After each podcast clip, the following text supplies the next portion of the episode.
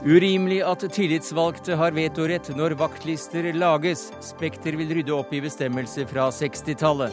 Det vil ikke Unio.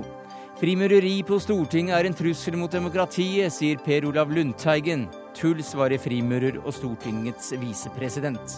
Vurder egne evner og ring gjerne før du griper inn når du er vitne til noe kriminelt, sier politiet. Bør slutte å oppfordre folk til å være feige, svarer Norges juristforening. Mediene løper i flokk og stempler Listhaug som en spion for en fremmed makt, men First House-partner, og møter en liten flokk i Dagsnytt 18. Og Oslo kirke reklamerer med vandring mellom gravstøtte, levende lik og avkuttede pølsefingre for å feire halloween. Morbid, sier prest.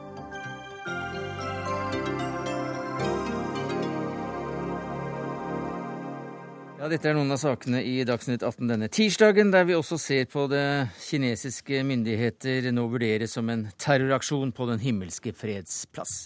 Men vi begynner med hvem som skal bestemme noe så viktig som når og hvor mye arbeidstakere skal jobbe. Med andre ord hvem som skal bestemme over selve vaktlistene.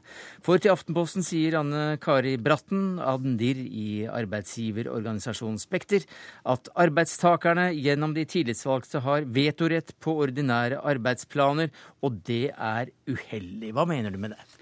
Nei, jeg mener at Så lenge det er arbeidsgiver som har ansvaret for et fullt forsvarlig arbeidsmiljø, og det er arbeidsgiveren som har ansvaret for sykehusets drift og brannvesenets drift og fengselets drift, så må det være slik at eh, når man skal sette opp en arbeidsplan, som er et av de viktigste virkemidlene for å få et fullt forsvarlig arbeidsmiljø, så må det være arbeidsgiver som har siste ordet. Og da kan vi ikke ha en ordning hvor de tillitsvalgte bruker en vetorett de har fått i loven når de skal vurdere helse, miljø og sikkerhetshensyn, til å kreve andre godtgjøringer. Vetorett? Ja, Når man skal sette opp en arbeidsplan som innebærer at man må jobbe litt mer den ene uken og litt mindre enn den andre uken, og ha en økt i uka som er, mindre, som er lengre enn ni timer, f.eks. en nattevakt på et sykehus, da er loven å forstå sånn at de tillitsvalgte skal godkjenne det. Og på sykehusene f.eks. så er det sånn at eh, for å godkjenne en sånn arbeidsplan, så er det ofte satt fram krav om eh, f.eks. kun å arbeide tredje hver helg, eller man kan ha synspunkter på at det skal bare være så og så mange pasienter på en avdeling. Mange ting som ikke har med vernehensyn, som er det som Stortinget la til grunn da de ga de tillitsvalgte den godkjenningsretten. Så man bruker også dette som en mekanisme for å få en faktisk vetorett? Ja. Hva sier du til dette, Anders Folkestad, du leder Unio, hovedorganisasjonen for universitets- og høgskoleutdannede? Ja, Det som Veste kaller vetorett her, er jo er bare en rolle lovgiver har gitt uh, tillitsvalgte i å uh, se til at nettopp helse, sikkerhet og trygghet blir uh, ivaretatt. Tillitsvalgte skal representere sine medlemmer, arbeidstakerne som skal gjøre den jobben som skal mm. gjøres på arbeidsplassen. Men det misbrukes. Og den, og denne, ja, men denne rolla her er jo ekstra viktig i uh, område der eh, det er døgnkontinuerlig arbeid, der en arbeider dag, kveld, natt, eh, helg, slik som i sykehusene og slik som i politiet. Men vi hører nå påstander om at akkurat den retten, den misbrukes? Ja, det er en ugrunna påstand som eh, Spekter og en del sykehusledere stadig bruker for å kamuflere et hovedproblem nemlig at det er mangel på eh, det er mangel på kompetanse, det er mangel på folk til å gjøre en viktig jobb. Og det undrer meg jo at Spekter velger denne litt sånn konfliktskapende strategien i en situasjon der det mangler kompetanse, der det mangler folk. Det Spekter burde gjøre, syns jeg, det er jo å spørre seg hva er det som gjør disse yrkene attraktive? Hva er det som gjør disse arbeidsplassene attraktive, slik at en kan skaffe nok mm. folk og rekruttere i framtida, som alle sier er nødvendig og viktig? Hadde det nå bare vært sånn som Folkestad sier, at de ansatte og de tillitsvalgte hadde brukt denne vetoretten til å se til at vernehensyn ble ivaretatt sånn som loven legger opp til, så hadde jo ikke denne posisjonen kommet fra Spekter. Men det er jo når den blir misbrukt til å oppnå andre politiske posisjoner, at vi er nødt til å ta opp dette spørsmålet fordi det er arbeidsgiver som har ansvar for et fullt. Så det misbrukes altså? Det gjør det. Når, når Folkestad, ja, det er hele tiden, hver dag. Når Folkestad tar opp og, og hver dag så blir det inngått avtaler på norske sykehus som får hjula til å gå rundt, både gjennom Unios medlemmer, sykepleiere og andre grupper. Fordi arbeidsgiver er nødt til å gi seg for å få driften til å gå rundt. Det som Folkestad etterlyser når det gjelder hvordan man kan jobbe for å få eh, gode arbeidsbetingelser og få mer folk på jobb, så er det altså slik at det er jo ingen andre grupper det er så mye deltidsarbeid i som de som jobber døgnkontinuerlig drift. i døgnkontinuerlig drift. Halvparten av de som jobber i døgnkontinuerlig drift, jobber deltid. Og blant Folkestads medlemmer i Sykepleierforbundet så er det veldig mange som jobber deltid. Og så er det et paradoks som er at det er så vanskelig for Folkestad å diskutere dette, når over halvparten av de som jobber deltid, sier de kunne ha jobbet mer dersom arbeidstidsordningene ble lagt til rette for mm. dem. Dette, dette er selvsagt ikke vanskelig å uh, diskutere i det hele tatt. Det som er krevende, det er ditt uh, utgangspunkt, nemlig påstanden om at noe blir uh, misbrukt. Mm. Og det er rett at mange, for mange arbeider deltid, men da må jo dere som ansvarlig arbeidsgiver, som du starta med, spørre ja, hva er det som skal til da for å få flere til å arbeide heltid? Er det å mane fram kampsituasjoner med, med sykepleiere og med andre som faktisk får norske sykehus til å gå rundt? Døgnet rundt mm. av omsyn til pasienter. De er fleksible, fleksible de strekker seg langt, men det er noe med den tonen som Spekter legger an, som skaper hindringer både nå og framover. Ja, At den gjør det akkurat nå, det er vel kanskje ikke så rart, for det er vel en ny regjering? Er det derfor dette ja, utspillet kommer nå? Men, men Folkestad må ikke være så overrasket over dette, for dette har vi jo ment lenge. At det står i avisen i dag er jo en tilfeldighet. Nå, mm. har, nå har regjeringen bestemt seg for å sette ned en arbeidstidskommisjon, og det har Spekter ment har vært riktig hele tiden, for da kan vi diskutere dette på en helhetlig og god måte og konstruktiv måte, og det ser jeg fram til. Men det er jo det når man sier at eh, det blir slitsomt for å jobbe og sånn. En av årsakene når Folkestad trekker fram denne belastningen eh, som mange sykepleiere bl.a. har, så er jo det fordi at arbeidstidsplanene er sånn at arbeidsgiver er nødt til å bruke overtid, er nødt til å kalle ut folk på helger hvor de ikke var satt opp og sånn, nettopp fordi man ikke var satt opp gode arbeidsplaner i utgangspunktet. Men sier du at dette er planene først og fremst, eller er det mangel på folk? Det vi hører fra veldig mange sykehus, det er at det er mangel på folk. Ikke minst er det mangel på sykepleiere sykepleie, eller spesialsykepleiere. Og Det virker altså som om strategien er nå å angripe og gjøre det minst mulig attraktivt å være på eh, disse arbeidsplassene. Dere driver en antirekrutteringsstrategi som er skremmende i, for, i, forhold til å sikre pasienter god behandling dette, og god pleie. Dette faller på sin egen urimelighet. Jeg representerer sykehuslederne i deres arbeidsgiverfunksjoner. Og de sykehuslederne de gjør alt de kan for å sikre at spesialisthelsetjenestene og for så vidt andre tjenester som er i Spekter, samferdselsmedlemmer og alt mulig, at de kan bemanne velferdsoppgaver døgnet rundt alle dagene i uken. Og, og Her er det et konstruktivt tiltak, konstruktivt forslag om at eh, når man for å kunne ivareta et forsvarlig arbeidsmiljø, så må arbeidstidsordningene være slik at de ivaretar et fullt forsvarlig arbeidsmiljø. Og da er det min erfaring gjennom de tilbakemeldingene vi får fra bl.a. sykehusene, at det er vanskelig å sette opp arbeidsplaner fordi Folkestads tillitsvalgte bruker sin vetorett på en utidig måte. Altså, Jeg kan ikke uh, si og kommentere hva som blir sagt rundt omkring på hvert enkelt sykehus. Men jeg er helt sikker på, og du Bratten vet det, at du sitter og overdriver og gir ei feilframstilling. Dette er ikke hovedbildet på norske sykehus eller norske sykepleiere. Hadde det vært sånn som du sier, så hadde jo dette gått i stå for lenge, lenge siden. Sanninga er at de strekker seg langt, lenger enn de mm.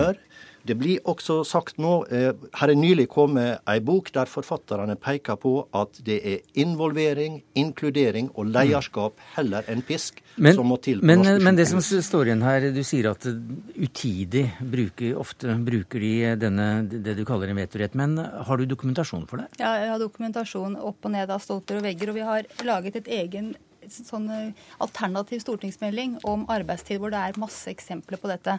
Så det, det, som jeg tror er litt viktig nå, det er at vi ser på alle slags tiltak i arbeidsmiljølovens mm. arbeidstidsbestemmelser som kan bidra til at folk kan jobbe mer. Men også dette, da. Og det har vi nå diskutert i dag, som, og nå må vi dessverre enda, enda viktigere, i, hvis jeg får lov å avslutte, ja, da må du være vi, veldig kort. Ja, vi setter oss ned og lager den rekrutteringsstrategien, mm. samtidig med at vi ser på uh, på eh, arbeidstidsreglene ja. når regjeringa kommer med det initiativet. Der kom, eh, kom en åpen hånd ut. Som det var en fin avslutning, Anders Folkestad, leder for Unio, hovedorganisasjonen for universitets- og høgskoleutdannede. Takk også til Anne Karin Bratten, Admdiri arbeidsgiverorganisasjonen Spekter.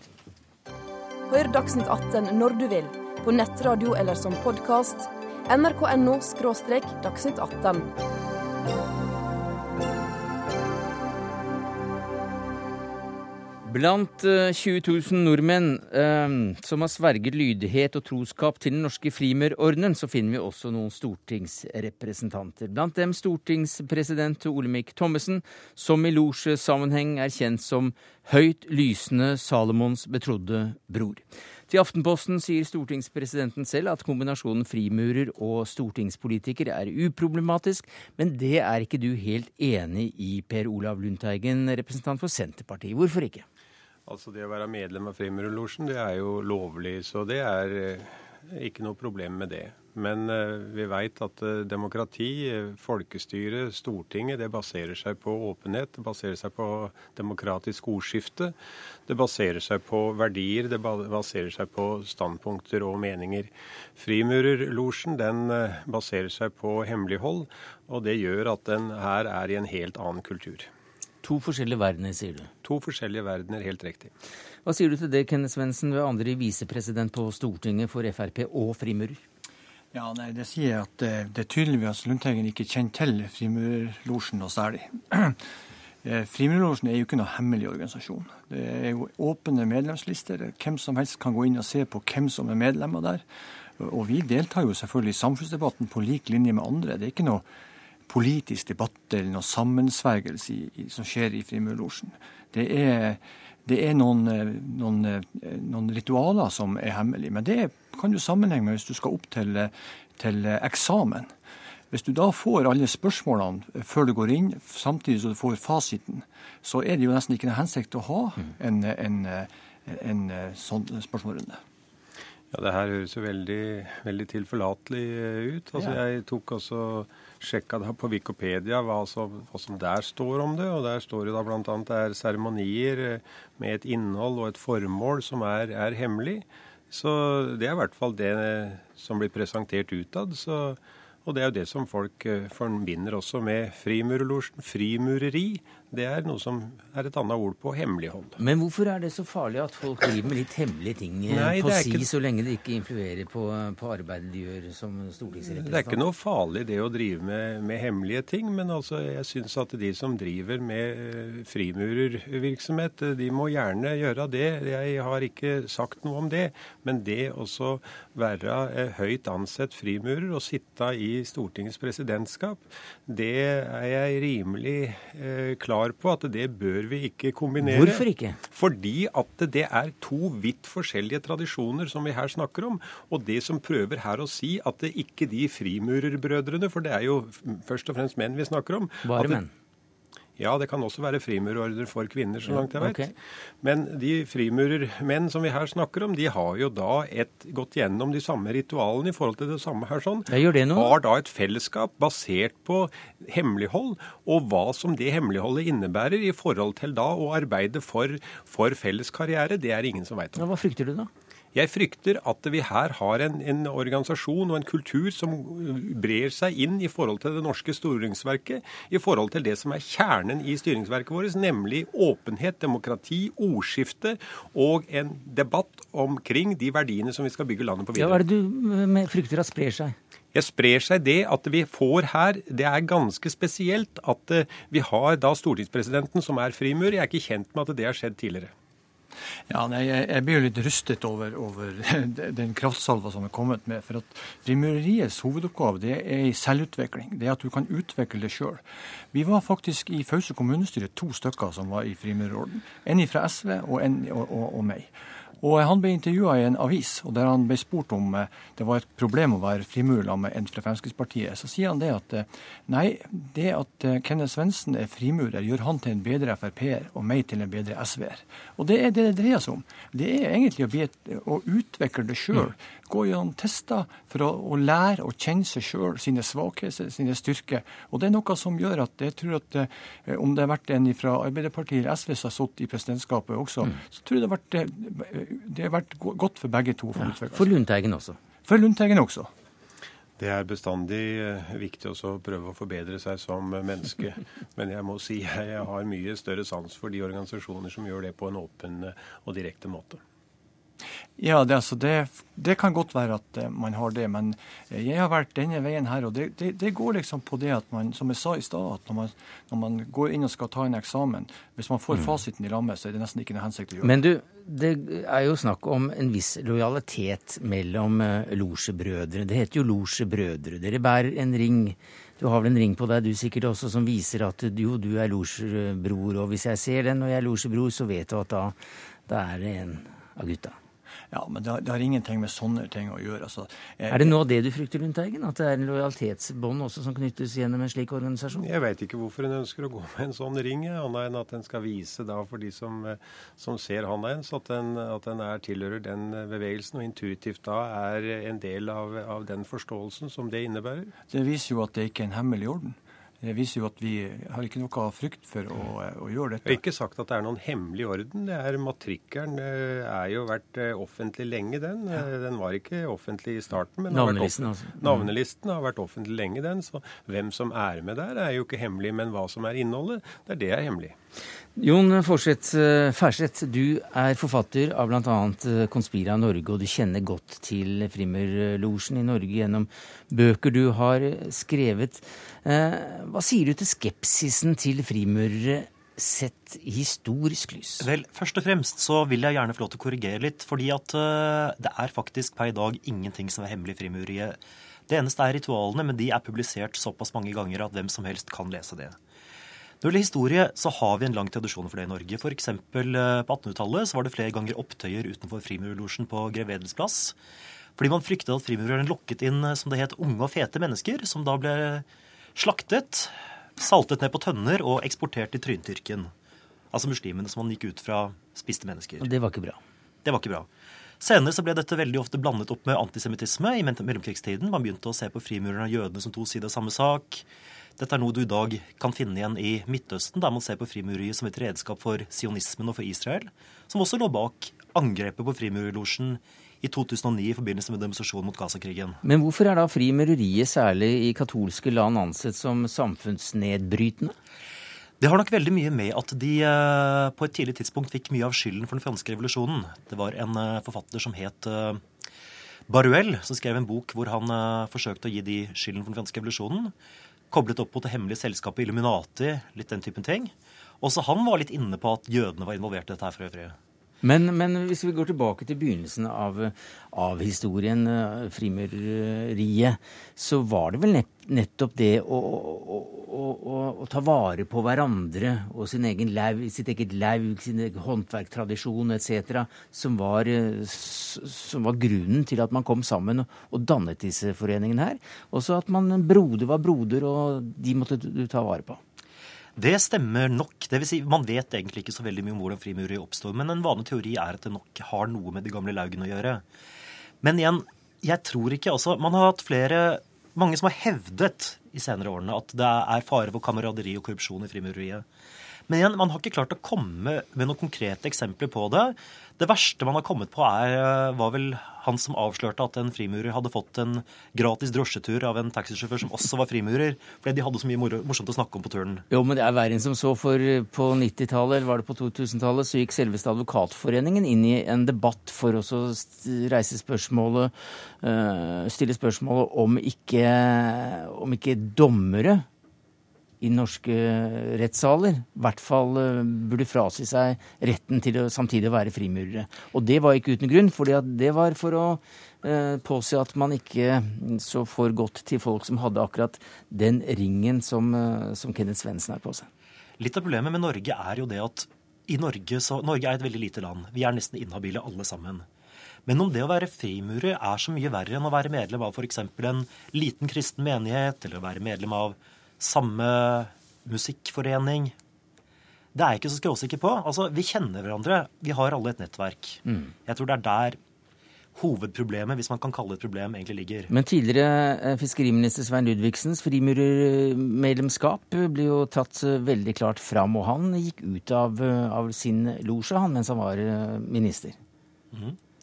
Ja, nei, som sagt. Det ble kanskje problematisk der. Jeg kjenner ikke den saken så veldig nøye. Du har sagt at uh, dette er ikke særlig annerledes og farligere enn, uh, og mystisk enn et idrettslag, sa du til oss før sending, Svendsen. Men er det noe trøst, så mye kokelimunke det har vært i den sektoren? Ja, jeg mener at det er ikke noe verre å være medlem i Frimurlosjen enn å være medlem i hvilken som helst annen losje. Det diskuteres jo ikke politikk eller noe sånn samfunnsordning i losjen. Men det er som eh, min sidemann sier, så er det sånn at vi blir selvfølgelig venner, som man blir i et idrettslag eller uansett forening, og snakker om forskjellige, forskjellige mm. saker. Men det har jo ingen påvirkning på noen ting som helst. Olemic Thommessen, altså eh, stortingspresidenten, eh, han tituleres som høyt lysende Salomons betrodde bror. Kan du si hva du hva slags tittel du har? Nei, vet du, Jeg husker jeg faktisk ikke hva slags tittel jeg har. Takk skal du ha, Kenneth Svendsen, andre visepresident på Stortinget for Frp. Per Olav Lundteigen, stortingsrepresentant for Senterpartiet, og Jon Færseth, forfatter.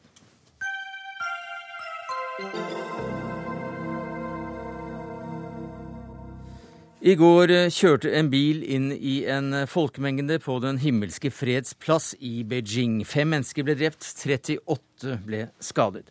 Nå har myndighetene satt i gang etterforskningen. David Carl Quist, du er korrespondent i Beijing for Sveriges Radio. Hva mer vet vi om det som skjedde nå?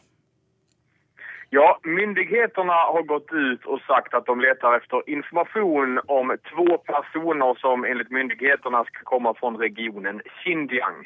Eh, namnen som de har gått ut med på de her två personerna verkar vara uiguriska. Uigurerna är den här muslimska folkgruppen som lever i regionen Xinjiang eh, och kinesiska myndigheter har tidigare anklagat eh, uiguriska separatistgrupper att, eh, för ett flertal attentat i Xinjiang.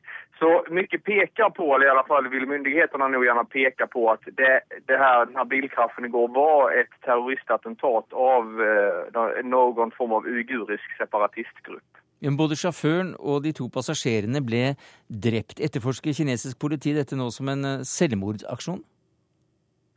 Ja, enligt eh, uppgifter, enligt bilder som man har kunnat se från den här platsen så ska den här bilen alltså ha kört upp på trottoaren och därefter kört ett hundratal meter på trottoaren och mejat ned folk innan bilen då till slut kraschade in i en stenbro rakt framför det här eh, porträttet av Mao Zedong som sitter där ovanför ingången till förbjudna staden. Och när bilen kraschade fattade den även eld.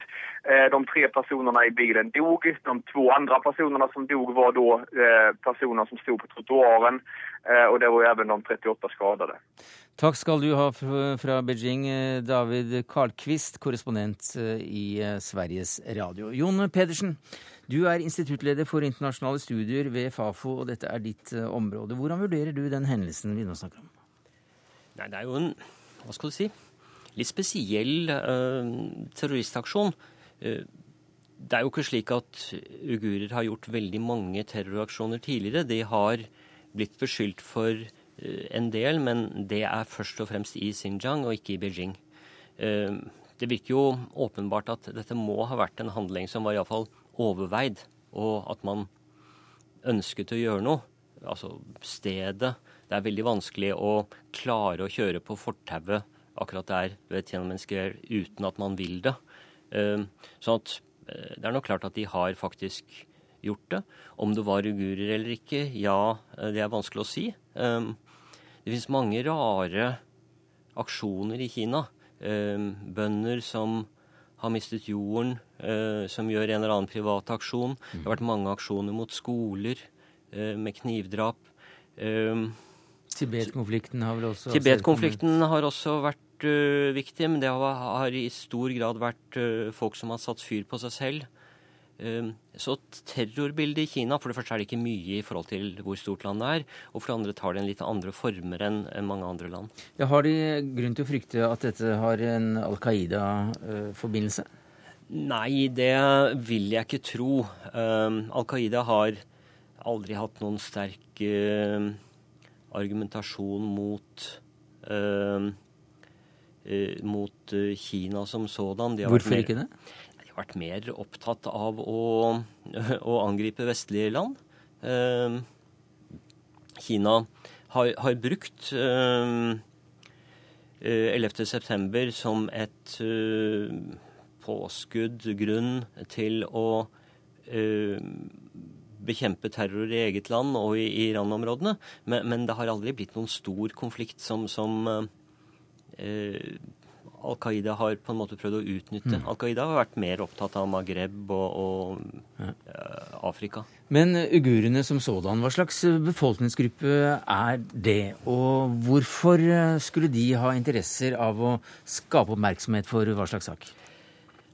Det er, hva slags befolkningsgruppe det er? Det er er å vasse rett inn i mm, konflikten og på, forsøke å svare på det spørsmålet. Ja, For de snakker jo tyrkisk, eller det er tyrkisktalende ja, språk? Det er et uh, fra den tyrkiske språkgruppen, ja. ja. Og de hevder selv at de har bodd i området i veldig mange år, trekker uh, tusenvis, historien sin tusenvis av år tilbake. Uh, kineserne hevder at de kommer fra en liten stammegruppe som innvandret fra Mongolia for noen år siden, eller for 300-400 år siden. Og vestlige forskere regner vel kanskje at de eh, kom er en sammensetning av uh, mange grupper som etter hvert har utviklet en uguridentitet. For det som er klart, er at uh, A, de er muslimer. B, de har en felles identitet nå. Og de uh, er i et område som stadig blir bosatt av han-kinesere. Så der har du kjernen i konflikten, at de føler sin identitet og sitt område truet av, av en uh, forflytning av, av han-kinesere. Ja. Der, um, som i Tibet? Som i Tibet, som i Indre Mongolia tidligere. Mm. Um, og uh, skal man liksom bruke en krystallkule og spå i fremtiden, så vel, um, så kommer de nok sannsynligvis til å bli et mindretall i sin egen provins uh, relativt snart. For nå er de det snart? Ja, nå er de det snart, ja. Og, og mongolene har allerede blitt det for mm. lenge siden. Men du sier at uigurene ikke har noen eh, lang og, og, og, sterk tradisjon for å si det på den måten, til å begå terrorhandlinger. Men vi har vel sett opprør i den provinsen før? Ja, vi har absolutt sett, sett opprør. Eh, det har vi. Men eh, 2008 var det en god del. 2010. Det, det har vært, og, og, det har vært bussbomber. Men tatt i eh, I forhold til hele altså områdets størrelse, befolkningen det er snakk om, så er det ikke dette en veldig sånn aktiv eh, konflikt. Den har ganske stor internasjonal interesse. Nettopp på grunn av, fordi den er på randsonen av Kina. Mm. og, og, og, er en av de eh, få konfliktene Kina egentlig har internt. Den er også en konflikt hvor kinesiske myndigheter er veldig sikre på seg selv. De har stor støtte internt for å hoppe på uigurer, sannsynligvis. Mm. Og det er en konflikt som vi vet uh, ganske mye mer om uh, nå enn vi gjorde for uh, syv og et halvt minutter siden. Takk skal du ha, Jon Pedersen, instituttleder for internasjonale studier ved Fafo.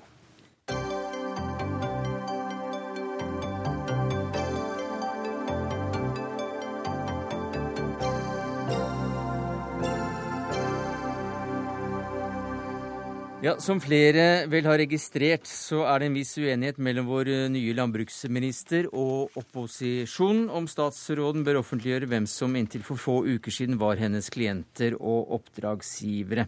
I etterkant av eh, de rundene så tar eh, du i kronikkform i Aftenposten i dag et oppgjør med hvordan mediene har dekket denne saken, Hans Christian Valseth. Selv tidligere pressemann, nå partner i First House. Og du er ikke imponert over dine tidligere kollegaer. Hvorfor ikke? Eh, det er det flere grunner til, men de tre viktigste er for det første at jeg opplever at uh, det er en mistenkeliggjøring av uh, Sylvi Listhaug, og sånn sett av First House for den del. Det er 18 statsråder. Media legger til grunn at 17 av dem er i utgangspunktet habile, og den 18. er inhabil. Og det er fordi hun har vært ansatt mm. i First House. Ja, er det så rart, det, da? Eh, det andre, det er kildene som, eh, som man velger. Eh, som gir et veldig ensidig bilde. Media har vært veldig flinke til å finne jurister som mener det er opplagt at Sylvi Listhaug eller departementet må utlevere listene sine, kundelistene til media. Det er ikke vanskelig å finne andre eh, tunge jurister som mener det motsatte. Og det tredje, som jeg egentlig mener er det mest alvorlige, det er at media sjøl eh, har vært enige om etter ei stor gransking eh, i regi av Presseforbundet for noen år siden, at når media jager i flokk og Jeg, må, jeg håper dere er enig i at uh, dette er en sak der media til sammen utgjør en flokk. Da er det viktig at det i redaksjonene er folk som får rolla med å være djevelens advokater, som sier at har vi gode nok kilder, bør vi lete mer, vi, bruker vi de riktige uttrykka, er vi varsomme nok? Og alt dette håper vi å få plass til i denne sendinga av Dagsnytt 18 Vadseth. Men tilbake til utgangspunktet, så spissformulerer du deg ganske kraftig også og sier at pressene viser forakt. Kunnskapsløshet. Altså forakt ja, jeg mener at mange av de eh, kommentarene særlig som har vært, mm. viser en forakt for Sylvi Listhaug. Og du nevner særlig Hege Ulstein, kommentator i Dagsavisen. Ja, hun er en av eh, flere som Hvordan viser hun forakt? Eh, jeg syns det er ganske drøyt f.eks. å si at ved kongens bord sitter der en PR-agent. Jeg kan ikke skjønne, Der sitter 18 statsråder, men der sitter ingen PR-agenter ved kongens bord. Eh, i måten hun beskriver Sylvi Listhaug, så ligger det et utgangspunkt som er at Sylvi Listhaug er i utgangspunktet inhabil pga. en tidligere jobb hun har hatt. Det er feil. Og når man legger det til grunn, så tror jeg også at det smitter over på den øvrige journalistikken som skal utøves av den samme media som legger sånne kommentarer mm. til grunn. Hva sier du til dette, Kaja Storvik? Du er sjefredaktør i Dagsavisen og får svare for uh, Ulstein her. Altså, Eh, vi gjør eh, presseetiske vurderinger av alle saker hele tida, også av denne saken. Og det er klart at vi diskuterer fortløpende og eh, inngående hva slags kilder vi skal bruke. Når det er sagt, så, så, så syns jeg det er det er jo morsomt at vi her sitter med en medierådgiver som spiller opp eh, sin egen Og som også er part i denne saken og er indignert på pressen. Eh, eh, det gjør, jo at man har et, et, det gjør at man har et interessant utgangspunkt. Ja. Men vår konklusjon når vi diskuterer dette, er at eh, det viktige og det viktige fokuset for media, det handler ikke om eh, First House eller Sylvi, Listhaug, egentlig. Det handler om troverdighet og åpenhet, som er to helt grunnleggende verdier for at vårt demokrati skal fungere. Ja, og så debatt... er det sånn at Hun er en statsråd ja. som kommer rett fra PR-bransjen. Og det har aldri skjedd før. Uh, og det er kanskje ikke en god ting. Det snakkes om yrkesforbud og sånne typer ting, men det er ikke en rettighet å være statsråd. Og når man har satt seg i en sånn situasjon at man er nødt til å hemmeligholde tidligere bindinger og risikere søksmål hvis man skal være åpen overfor Stortinget, som man faktisk mm. svarer for, så må man tenke seg veldig nøye om. Men tilbake til spørsmålet. Hva, hva, sier du da til at et begrep som forakt brukes på den måten dere framstiller Listhaug på? Altså, det som er, altså, um, i, dette, i, um, dette er jo en mann som kan spissformulere seg, og gjør det godt. Eh, det er Hege Ulstein, en kvinne som gjør kanskje enda bedre. Eh, det er klart at, eh, at våre kommentatorer, de har sitt blikk og sin, sin, penn og sin stemme på ting. Men Hege er en av de eh, kommentatorene som har størst tillit til Frp, eh, som har stor tillit til det politiske Norge. Hun er nøye. Og det er ikke sånn at eh, det hun skriver, mm. gjør at vi har forakt for Sylvi Listhaug. Men, men helt, helt, Jeg må bare avbryte må, for å komme videre. Altså, det er helt vanlige journalistiske vurderinger som ligger til grunn også i denne saken. her. Ja, et stykke på vei, og så blir det annerledes fordi det skjer en forskjellsbehandling. Og, og Kaja Storvik har enda ja, hva, ikke Hva er forskjellsbehandlingen, da? Kaja Storvik har f.eks. enda ikke fortalt hvem er det i Dagsavisen som er djevelens advokat. Har de, har de tatt oppfordringa fra utvalget i Norsk Presseforbund på alvor, eller har de ikke? Eh, sånn som Kaja Storvik snakker, så virker det i hvert fall ikke som hun kan være djevelens advokat i forhold til Hege Ulstein. Altså, det som er at Vi har jo vi har løpende diskusjoner om dette hele tida. Eh, men det er jo heller ikke sånn at det er eh, altså, Det er jo ikke min plikt å konkludere med at vi ikke skal gjøre en ting. Det er min plikt å ha diskusjonen, og det har vi hele tida. Ja, da, da, vil, da, vil, jeg si at du, du Nei, har men, men, så konkluderer vi med Du sier at det er 18 statsråder som, som sitter der som er helt like. Og det er jo ikke sånn Det er en som kommer fra en bransje og som holder ting hemmelig. Og da er det vår jobb som media å ha fokus på det og prøve å finne ut hva som har skjedd, og at folk i Norge ikke blir ført bak lyset. Men Vadseth, du sier jo, eh, skriver at eh, det er jo det samme med kulturredaktøren i Aftenposten, som nå er gått inn som statssekretær. Eh, Man trekker ikke i tvil habiliteten til Åmås eller utenriksminister Brende, som kommer rett fra toppstillingen for World Economic Forum i Davos. Jeg må først si at, at en sjefredaktør som mener at disse er hennes jobb å ta beslutninger, er litt tvilende til hvorvidt utøver sjefredaktør Jo, men forhold deg til spørsmålet mitt men, uansett. Men mitt poeng er jo ikke at Åmås og, og Brende skal gå igjennom det samme som, som Sylvi Listhaug. Det er det motsatte. at Der ligger det også potensielle føringer, mm. hemmeligheter. Og det blir akseptert mm. at den habilitetsutøvelsen som skal skje, skjer innenfor Men departementet. Er det, godt samling, er det en god sammenligning? Vi vet hvor de kommer fra. Vi vet akkurat hvilken bakgrunn ja, Børge Brende har. Du vet også hvor Listhaug kommer fra. Hun, Nei, kommer fra. hun kommer fra First House. Hun var ansatt i First House. Der kom hun fra. Ja, sånn at De saker som har med dere å gjøre i regjeringen, så vil det jo ikke være så mye tvil om at hun er inhabil. Men nå er det jo også ganske mange andre kunder hun har hatt. Og det skiller henne veldig. Børge Brende kom fra World Economic Forum, og det vet vi. Knut Olav Åmås kommer fra Aftenposten og Skipsted, og vi, det vet vi. Men, men, eh, men, men, la meg snakke ferdig. Problemet er jo ikke om du kommer fra ett selskap. Da vet vi hvilke bindinger det er snakk om. Problemet er hemmeligholdet. Eh, så altså men kan, kan jeg, jeg, bare spørre, hva, hva, hva, er det, hva, er det, med Sylvi Listhaug sin grunnleggende integritet som gjør at man tror at hun ikke er i stand til å utøve sin habilitet sånn som alle andre i regjeringa? Hva er det som er feil? Hva er det som er i veien med Sylvi Listhaug? Har hun mista et moralsk Nei, gen? Men det er ikke sånn at vi overlater til hver enkelt person å gjøre dette. Og det er jo kjempebra hvis folk erklærer seg inhabile, eh, men, men det er også sånn at det har vist seg igjen og igjen at folk som får politisk makt, ikke nødvendigvis forstår rollen rollekonflikt. Og de behandler ikke saker eh, et sånn som de skal. Altså Se både på f.eks. saken med Audun Lysbakken. Eh, det er en sak som ble drevet fram av pressen. og det endte med at han måtte mm. gå av. Det er viktig med en bred offentlig debatt i sånne saker. Kjersti Løken Stavrum, du er generalsekretær i Norsk Presseforbund. Og du hørte her Valseth eh, nevne et utvalg som ble nedsatt for å påse at uh, ulvene ikke jager for mye i flokk, nemlig ved å ja, ha prosesser som, som, eh, kan frambringe en djevelens advokat i ulike redaksjoner. Hva sier du til, eh, til eh, fremstilling av denne saken her? Ja, hvis du vil at jeg skal kommentere dette med å ha en kald hjerne i redaksjonen, som mm. jo var det, det utvalget den gang anbefalte, så er jeg veldig for det. Jeg er også veldig for en presse som på reportasjeplass er god til å se en sak fra flere sider. Eh, og det er sånn at store saker har en lei tendens til å få bare én innfallsvinkel. Og dette er nok en av de sakene hvor pressen brukt, har brukt altfor lang tid eh, til ikke å gå inn i de juridiske, kompliserte sidene av, eh, av det som da har blitt Listhaug-saken. Så du støtter kritikken til en viss grad? Vet Du, og det er jo veldig farlig for pressen å støtte rette kritikken fra et eh, PR-byrå.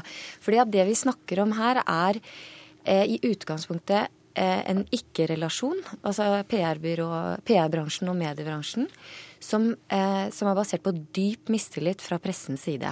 Fordi at særlig First House, men også deler av kommunikasjonsbransjen, er lite meddelsomme og har ytrer liten forståelse for hvorfor åpenhet er en god verdi i samfunnet. Eh, og så må jeg nok si at jeg også irriterer meg litt over at jeg tror at vi lar oss lure litt av det hemmeligholdet. Sånn at, eh, sånn at eh, PR-bransjen får nok litt ekstra oppmerksomhet ved å hemmeligholde. Men nå tenker jeg de også betaler litt prisen for uh, å være så hemmelige. Ja, Er det det du etterlyser når du sier at du etterlyser en, en viss kompetanse fra disse byråene, og særlig First House? Fordi de må, du, du skriver at du, de må kjenne ja. til hva de faktisk begir seg ut på? Dette det som skjer nå er, mener jeg, helt åpenbart og bør ikke egentlig engang faktureres en time fra et PR-byrå for å forutse hva som kom til å skje når Sylvi Lysthaug kom, mm. eh, kom, i statsrådsstolen, så kan du også si at det er jo noe veldig spesielt ved å rekruttere en ung og svært aktiv politiker, for det har hun jo vært hele tiden, inn i en sånn rolle. Det er jo, det er jo et, eh, det er et mm. risikoprosjekt. Vadseth, du får også en viss støtte for akkurat dette med å, å ha institusjoner innad i, inn i redaksjoner som, som, bør hindre oss i å løpe i flokk. Sette pris på det. Ja, men uh, dere er ganske inkompetente hvis dere ikke visste hva dere gjorde da dere sendte Listhaug både ut og inn. Ja, men nå, nå var ikke det vi som sendte Listhaug inn i regjeringen. Det var Erna Solberg som tok- dere- valgte. dere tok imot Hun, hun, hun må vel også stå ansvarlig for den, den biten, og da slutta Sylvi Listhaug på dagen. Men en av tingene som forundrer meg, eh, det er jo at, at det som er knytta til det privatrettslige, det er at vi er en et, vi er i næringslivet. First House er en privat næringsvirksomhet. Vi har kontrakter med våre kunder. Eh, Vi har kontrakter med våre ansatte. Eh, Og det at, at First House er en posisjon til å gi ut kundelister, det stemmer ikke. Det er en god norsk tradisjon for at man kan ikke gi bort noe man sjøl ikke eier. Det aspektet, det er ikke våre Mm. kundelister. Det er også en ting som jeg lurer på. Hvor, hvor blir det av i mediedekninga? Mm. Men, men, det, men det som er, er at First House sine problemer i forhold til dette, det er på en måte ikke det som kan være eh, fokuset til norske medier. Fokuset til norske medier må være å passe på det demokratiet vi har. Og vi skal ikke glemme at det er skjørt. Hvis man ikke sørger for hele tida å opprettholde den tilliten som åpenhet gir, så svekker vi demokratiet vårt. Og det er viktigere enn kundelisten. Vaseth, jeg skal holde litt på, på dette her med det du etterlyser av sparringspartnere innad i redaksjonen. For det dreier seg også om eh, vår egen bedrift NRK her. Hvem har fått rollen i det påstått etikkskjerpede NRK, spør du. Og svaret får du vel nå, for eh, du eh, er jo her som eh, nyhetsdirektør Per Arne Kalbakk. Ja, nå har vi ikke ansatt noe eller utpekt noen eh, djevelens advokat akkurat i denne saken eller akkurat i andre, men vi diskuterer eh, minst et etikktema i dekningen vår hver eneste dag. Og dekningen av Listhaug-saken har vi hatt oppe flere ganger. Hva sier du til kritikken at vi løper i flokk her, da? Det er nok riktig. Eh, Og dette er en, men det har også å gjøre med at dette er en stor sak. Og en av de tingene som vi har diskutert, er at vi må passe på å være presise. For det er ikke sånn eh, at eh, at Sylvi Listhaug har gjort noe ulovlig, eller at det er eh, i seg selv mistenkelig å jobbe for PR-bransjen, eller at man ikke kan gå direkte fra PR-bransjen til, eh, til eh, en regjeringsposisjon, f.eks. Men, men det blir jo en politisk sak, og det åpner for noen politiske spørsmål som handler om troverdighet og åpenhet i politikken, og som er en viktig politisk diskusjon. Og Derfor har vi vært opptatt av å ta dette til den politiske dimensjonen. Og vi har også tatt inn Vanseth, de kildene som har andre syn på det. For oss har dette stort, eh, i, i veldig stor grad vært en diskusjon om hva som skal være retningslinjer og spilleregler mellom regjering og storting. Vi har hatt Michael Tetzschner eh, i dette studio og i Aktuelt studio og andre steder, som har vært en eh, talefør Mm. talsperson for at dette må være Kort dette. Nei, at dette må være Jeg, jeg mener greit. at NRK har vært veldig OK. For dere har drevet journalistisk dekning. Det er kombinasjonen av den mistenkeliggjørende kommentaren, og dem er det mange av, har det vært mange av i mediene, og journalistikken som følger i de samme mediene. Av en eller annen grunn som, øh, og motivasjon som vi ikke skal komme inn på i det hele tatt, så slutter vi akkurat i det NRK noenlunde går fri for den kritikken til Valseth. Men øh, takk skal du ha, Hans Christian Valseth, partner i First House. Tidligere redaktør. Kjersti Løken Stavrum, generalsekretær i Norsk Presseforbund. Per Arne Kallebakk, nyhetsdirektør i NRK. Og Kaja Storvik, sjefredaktør i Dagsavisen.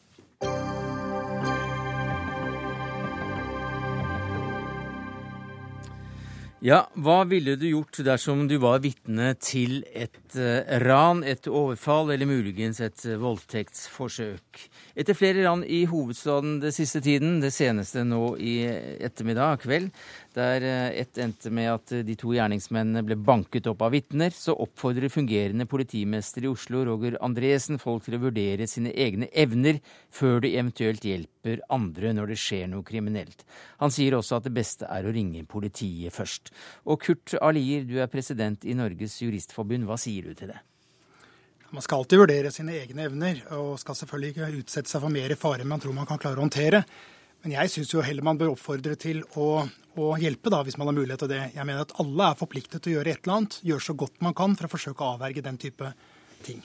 Ja, Hva sier du til oppfordringen om å, ringe politiet først? Altså, Man skal alltid ringe politiet, men hvis man tror at ved å ringe politiet, så vil politiet kunne komme tidsnok til å avverge f.eks. en voldtekt eller et ran av en niåring, så tar man jo feil. Eh, Det vil aldri bli så mye politifolk i gatene at det vil kunne skje tidsnok. Eh, Du sier at eh, du ikke vil bo i et samfunn der folk ikke hjelper medmennesker. Nei, det er riktig. Jeg syns det er riktig ille hvis vi skal ha det sånn at man skal stå og se på at vold blir begått, f.eks. Eh, og dessuten tenker jeg det signalet som da gis gjennom at man ber folk om å ikke involvere seg, ja det er minst like farlig det som den faren man selv utsetter seg for hvis man gjør noe. Er det noen som vil ha det sånn at noen en er glad i, skal bli utsatt for vold midt på gaten, og så skal folk bare stå og se på, og ingen skal gjøre noe forsøk på å avverge? Hva sier du til dette, Roger Andresen, fungerende politimester i Oslo? Nei, jeg tror ikke det er så stor uenighet eh, mellom oss, jeg. Det vi fikk spørsmål om konkret, var jo om man skal gripe inn. Og som jeg da sa, så er det, må det være si, den enkeltes evne til å gripe inn. Men man kan gripe inn på mange måter. Og når jeg sier at man skal ringe politiet, så er det et veldig godt råd. Fordi det har jo vist seg uh, ved en rekke anledninger at politiet faktisk er veldig nære. Slik at vi har fått pågrepet personer etter at vi har fått slike meldinger fra publikum. Så det er jo ikke riktig, det. Vi øker jo også nå patruljeringen gradvis eh, fremover, eh, både med sivile og informerte. slik at det er et meget godt råd. Men man kan gjøre andre ting også. Eh, man skal selvfølgelig hjelpe i den grad man mener seg selv å kunne gjøre det. Men bare det å synliggjøre at man er til stede, er ofte nok til at ranere forsvinner, eller at voldsmenn forsvinner. Så det er mange måter. Man kan observere, man kan eventuelt ta bilder, man kan Eh, gjøre det på mange måter. Men det er veldig vanskelig eh, å si at alle mennesker bør gripe inn eh, i, i, i noe som, mm. som skjer. Det, det, tror jeg veldig mange vil kvie seg for, av flere grunner. For vi har jo også sett at det har medført ganske store eh, si, skader på folk som har grepet inn. Slik at politiet er de som er si, rustet til å ta det. Vi er ofte i nærheten. Og man må vurdere sine egne si, krefter og evner. Er man flere Et øyeblikk, vi må nesten slippe til Lier her. Beklager at jeg avbryter deg. Ja, så Politiet kan være i nærheten til å pågripe vedkommende etterpå, men å tro at politiet skal være så i nærheten at man klarer å avverge et pågående angrep, det tror jeg er Vi hører til unntakstilfellene. Og Det jeg er opptatt av, er signalet som sendes. Altså, Jeg er jo ikke uenig i det, at eh, det kan være farlig å gripe inn, i hvert fall hvis man skal gjøre det fysisk. Men som eh, politimesteren sier, eh, hvis man Altså, alle kan gjøre noe. Man kan gjøre anskrik, man kan lage bråk rundt det, man kan gjøre oppmerksom på at man er i ferd med å ringe politiet, eller man kan gripe fysisk inn. Og det som skremmer meg, det er at politiet velger å sende signalet at man skal være forsiktig og fokusere på skadefaren. Og det tror jeg er uheldig. Jeg tror faktisk vi i mye sterkere grad bør oppfordre folk til å bry seg og gripe inn i den type situasjoner mm. på en eller annen måte. Andresen. Nei, jeg, jeg, som sagt, jeg tror ikke uenigheten er så veldig stor. Jeg, og det signalet vi sender, det er at folk må vurdere hvilken evne de har og at man ikke kaster seg ut i noe man ikke har oversikt over. Og at det å ringe politiet uansett er en god idé. Og vi har altså mange eksempler på at vi har vært veldig i nærheten, slik at vi har kunnet gripe inn i, i situasjoner og fått både pågrepet, men også avverget situasjoner. Men, men, det som uh, Lire og jeg er enige om, det er at det er viktig at uh, folk bryr seg. At man ikke bare går videre. Uh, at man melder ifra. At man gjør anskrik. slike ting. Alle disse tingene hjelper og, og skremmer eh, de som, de som, raner i denne settingen, og også i andre situasjoner. Vi har med oss eh, en som har sittet og, og lyttet eh, til hva dere har sagt her, og det er justisminister Anundsen. Hva sier du til dette? Jeg er i grunnen enig i at jeg er ikke helt sikker på om uenigheten er så veldig stor. Det er alltid en god idé å ringe politiet hvis noe kriminelt skjer, men det er også en god idé å være medmenneske og hjelpe de som blir utsatt for kriminelle handlinger. Jeg tror det handler litt om hva slags samfunn vi ønsker å ha. Vi ønsker et samfunn hvor folk bryr seg om hverandre. Og dette handler om å ta standpunkt imot en kriminell atferd, som er veldig alvorlig. Men det er selvfølgelig også sånn at det er forskjell på hva slags muligheter vi har til å gripe inn. Det kommer an på hva slags fysisk form man selv er i, hva slags type våpen overgriperen står eller den kriminelle har tilgjengelig. Så dette må være en, en helhetsvurdering. Men det er veldig viktig, syns jeg, at ikke den situasjonen i, vi har sett nå bidrar til at folk ikke tør å bry seg. Vi vil ha et samfunn hvor folk bryr seg om hverandre. Men dette spørsmålet er jo da spesielt aktuelt etter at en ti år gammel gutt ble forsøkt ranet på Helsfyr i Oslo av, to menn. Og to vitner til hendelsen grep da inn og tok saken i egne hender. De banket opp en av ranerne så tennene lå strødd utover bakken. Altså Jeg kan ikke som justisminister gå inn i en sak som er til etterforskning. Eh, helt generelt så mener jeg det er bra hvis man kan hjelpe folk som er i nød. Jeg ville vært veldig fornøyd hvis noen eh, grep inn hvis de hadde muligheten til det, hvis mine barn var utsatt for noe sånt. Så tennene flagrer? Men det er alltid sånn at det må holdes innenfor lovens rammer. og Det er derfor det er viktig for meg å ikke kommentere den konkrete mm. saken. Eh, og Det ligger til etterforskning, så får vi se hva utfallet blir der. Men det er viktig at ikke den saken fører til at folk ikke bryr seg lenger. Yeah. Altså jeg vil heller ikke kommentere en eh, konkret sak, men sånn generelt kan man si at uh, det er ikke å ta loven i egen hånd, som det har blitt uh, beskrevet som, og gripe inn, ei heller fysisk. Det er lov å bruke den makt som er nødvendig for å avverge et angrep. Det må være forholdsmessighet. og det er også slik at Hvis det skulle gå noen tenner i en slik sammenheng, så er ikke det nødvendigvis straffbart. Mm. Men, Hva skal... sier loven her? Ja, altså I korte trekk så har man lov å bruke den makt som er nødvendig, og så skal man avslutte når angrepet er avverget. Eh, så er det slik at Skulle man være uheldig og gå litt for langt, så er ikke det lovlig, men det skal heller ikke straffes. Eh, er det man sier i sånne sammenhenger. Eh, men altså, det er fullstendig lovlig å også gripe fysisk inn for å avverge et angrep, så lenge man ikke går for langt til maktbruken og voldsbruken. Mm. Hva sier du til, til den tolkningen, Roger Andresen? Nei, han er jurist i Norges Juristforbund, så det skulle bare mangle. Det er helt riktig, det. Og det er jo også det vi har påpekt, akkurat de tingene. Så slik at den debatten her er egentlig ikke en debatt, for jeg tror vi er alle enige om at vi ønsker eh, at folk skal bry seg. Du, Nå må jeg nesten avbryte deg, for det er fjerde gang du sier det. Men allikevel så sier Lire også at du sender ut feil signaler, så det må du i hvert fall da ta. Ja, eh, jeg mener at vi ikke gjør det, da. Men det er en Det får jo bli si, opp til noen å vurdere. Men jeg mener at vi sender ut riktige signaler når vi sier at folk må vurdere det.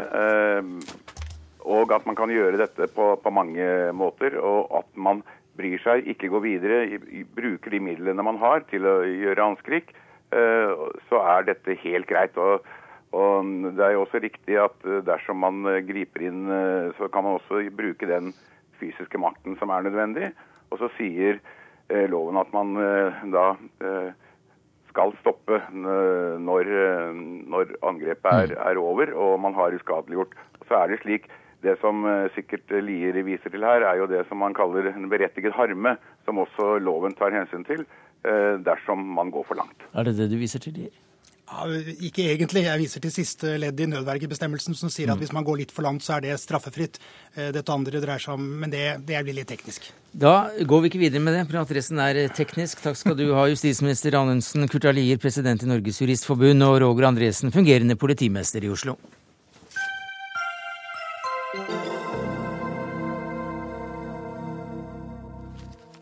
Ja, når alle har løst oppgavene, går de inn i kjerka og spiser litt annerledes, men tidsriktig mat. Guffengrønn potetstappe med avkappede pølsefingre og blodige ketsjupflekker. Slik eh, lyder eh, Herrens ord, i alle fall eh, Kirkerådets nettside refererer til dette. Sitatet er hentet derfra. Fordi i Grorud kirke feirer de allehelgensdag for tredje år på rad, og det er på en litt annerledes måte, det skriver avisa Vårt Land i dag. Anders Møller Stray, du er trosopplæringsleder i Grorud kirke. Hva slags opplegg er det dere har på en slik dag?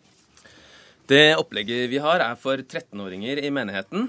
Det er et halloween-opplegg. Uh, og hensikten med opplegget er å på en måte vekke litt oppmerksomhet rundt uh, dette med døden og livets slutt, som jo er et tabu på en måte i mm. samfunnet vårt nå om dagen. Avkappede pølsefingre. Uh, ja, det vi gjør, er at vi bruker halloween, som er en sånn populærkulturelt fenomen som har vokst seg ganske stort i Norge over de siste ti årene. bruker det som utgangspunkt og møter disse 13-åringene der de er, med dette som en naturlig del av deres årshjul.